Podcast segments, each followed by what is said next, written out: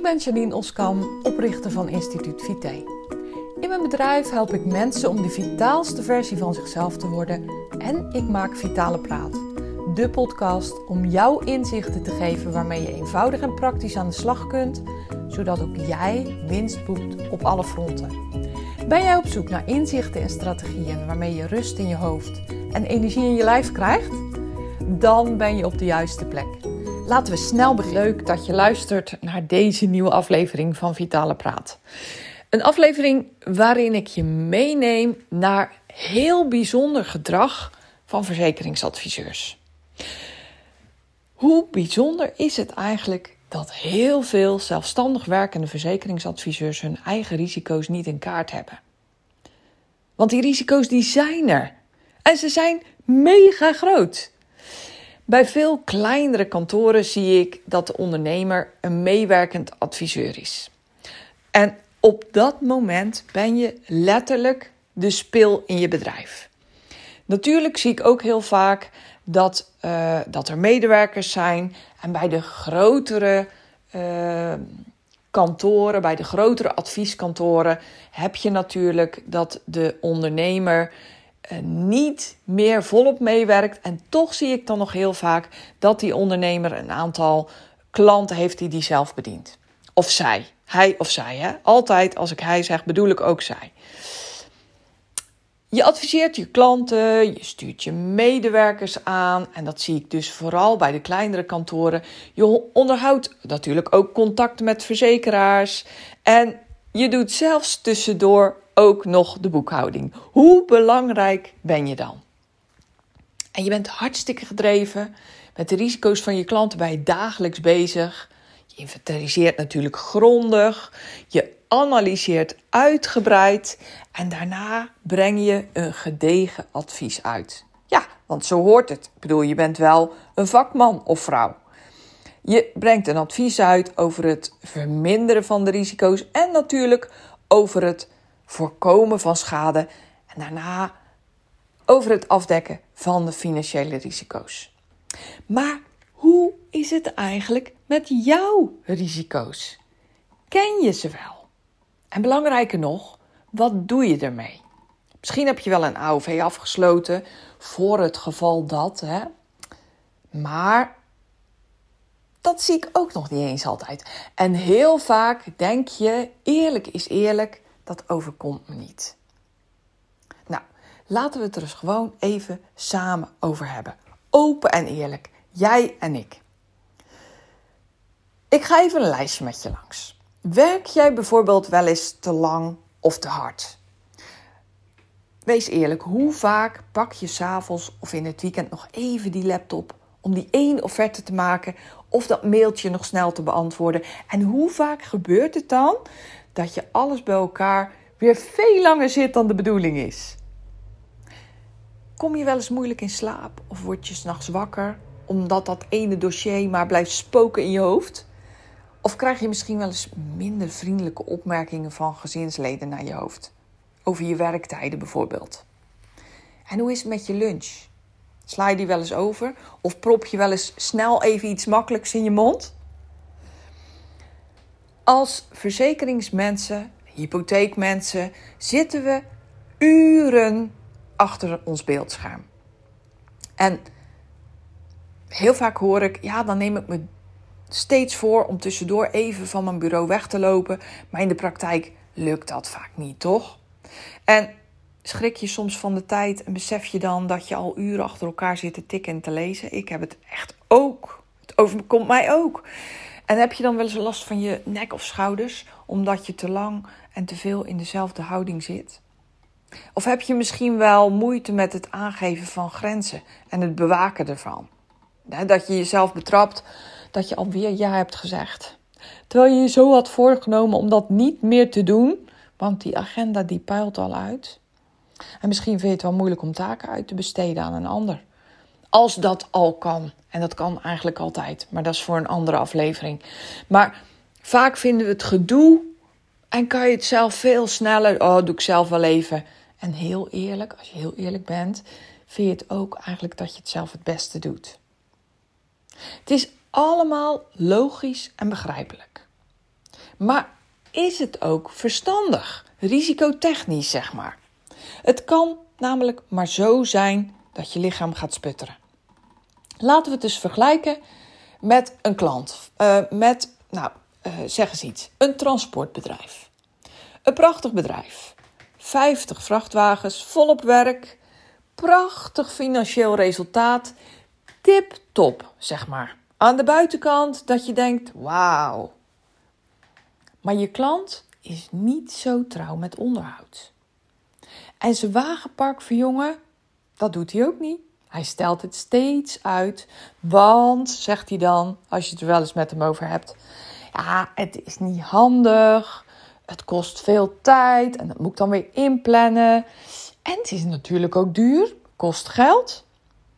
Dus hij doet het niet, of in ieder geval veel te weinig. En heel eerlijk, zie jij al van ver, en je hebt er niet eens verstand van, hè, dat dit niet goed gaat komen. Steeds vaker staan chauffeurs aan de kant van de weg met pech. Ga ik weer even terug naar jou. Want jij staat niet aan de kant van de weg met pech. Ja, of je moet je auto niet goed onderhouden, omdat dat niet handig is, veel tijd en veel geld kost. Maar dat is weer ook weer een ander verhaal. Maar toch vergelijk ik het daarmee. Want ben je wel eens moe? Of uh, heb je vaker hoofdpijn dan je wil toegeven? Is je lontje misschien wel kort of uh, ben je een strijker geworden? En die leg ik even uit hoor, want laatst zei een cliënt dit tegen me. En ze bedoelde ermee dat ze helemaal geen lontje meer heeft. En ik vond hem echt leuk, dus ik hou hem erin. Of misschien is concentreren voor jou wel lastig. Kan je moeilijker besluiten nemen dan vroeger? Of vergeet je regelmatig iets? Of heb je heel soms maar hoor, maar ook wel eens een lichte druk op je borst of hartkloppingen? Of een opgeblazen gevoel of een rommelende buik? Last van je spijsvertering, zeg maar. Al praat je daar natuurlijk helemaal niet graag over. En al helemaal niet spreken over bijvoorbeeld dat je opeens heel erg veel last had van angst of misschien zelfs wel in paniek raakte. Want ook dat zou kunnen gebeuren. Herken je iets hiervan? Dit zijn namelijk allemaal symptomen, waarschuwingen zeg maar, dat je lichaam opraakt. Het is echt jouw versie van aan de kant van de weg met pech. En je klant met dat transportbedrijf, die laat het op zijn beloop. En als je daar heel eerlijk over bent, denk je daar het jouwe over. Je hebt daar in de loop van de tijd, hè, want het is al jarenlang jouw klant en je ziet dat gaan en je ziet dat gebeuren. In de loop van de tijd heb jij daar al van alles over gedacht. Jij denkt, vandaag of morgen loopt dit helemaal fout. En nu heb ik een vraag aan je. Op een ochtend belt die klant van het transportbedrijf. En je hoort al bij het opnemen van je telefoon ja, dat, dat, er iets, dat er iets is. Je hoort echt de onrust in zijn stem. Hè? Eerst zegt hij, hey, met Piet. En uh, ja, gewoon nou mooi weer. Hè? En, uh, maar, maar je hoort al dat er iets is. En dan komt het. Hij vertelt je dat 10 van zijn 50 auto's kapot zijn. Niet meer te repareren of hartstikke duur. En dan is het ook nog eens zo, ja, de garage heeft geen tijd. En uh, ja, nieuwe auto's, ja, ik heb geen idee hoe ik aan moet komen. En het is gewoon echt niet te doen. En uh, nou ja, helemaal blinde paniek, zeg maar. Blinde paniek. Hij zegt, het gaat me klauwen met geld kosten en misschien wel mijn kop. Hij klaagt steen en been. En zijn vraag? Of jij hem misschien kan helpen. Of die hiervoor verzekerd is. Herken je het? Dat is echt, hè, gebeurt ons allemaal hè, in, in de verzekeringswereld. En zeg nou eens eerlijk. Wat is dan jouw reactie? Wat zou jouw reactie zijn? En dan heb ik nog, dan, dan, we zijn nu toch eerlijk aan de praat. Dan is er nog de reactie die je aan hem communiceert. Hè? Want dat is dan je professionele versie. Dan hou je nog echt gewoon uh, um, ja, dan hou je het netjes, zeg maar. Maar hoe denk je er in je hoofd over? Ja, Piet. Maar moet je nou eens goed luisteren. Man, man, man, man. Ik heb dit van ver aanzien komen en nou heb ik er nog niet eens verstand van. Dit is niet wat je zegt, hè? Dit is wat je denkt. En uh, ja, en nou moet ik het voor jou gaan oplossen? Ja, man, man, man, doodzonde. Je bedrijf gaat naar de knoppen op deze manier. En had dat nou anders gedaan? Dat is wat je denkt, hè? Nou, je communiceert het op een andere manier, maar in ieder geval is de boodschap aan Piet ja, dat je hem bar weinig kan helpen. Want het is echt uit de hand gelopen. En nee, het is niet verzekerd, of in ieder geval maar een heel klein stukje. Piet heeft de spil van zijn bedrijf, zijn vrachtauto's, verwaarloosd. Hij heeft ze niet goed onderhouden. Hij heeft ook de symptomen niet gezien, hè, want die chauffeurs die stonden regelmatig aan de kant van de weg. En dan was het even oplappen en weer gaan met die banaan. Even snel, um, even, even snel wat vervangen, echt het hoognodige. En dan hoppa, weer aan de gang. Hij heeft zijn onderneming uitgehold. Hij heeft de boel uitgeput. En nu mijn eerlijke vraag aan jou. Hoe kijk je nou aan tegen jouw situatie?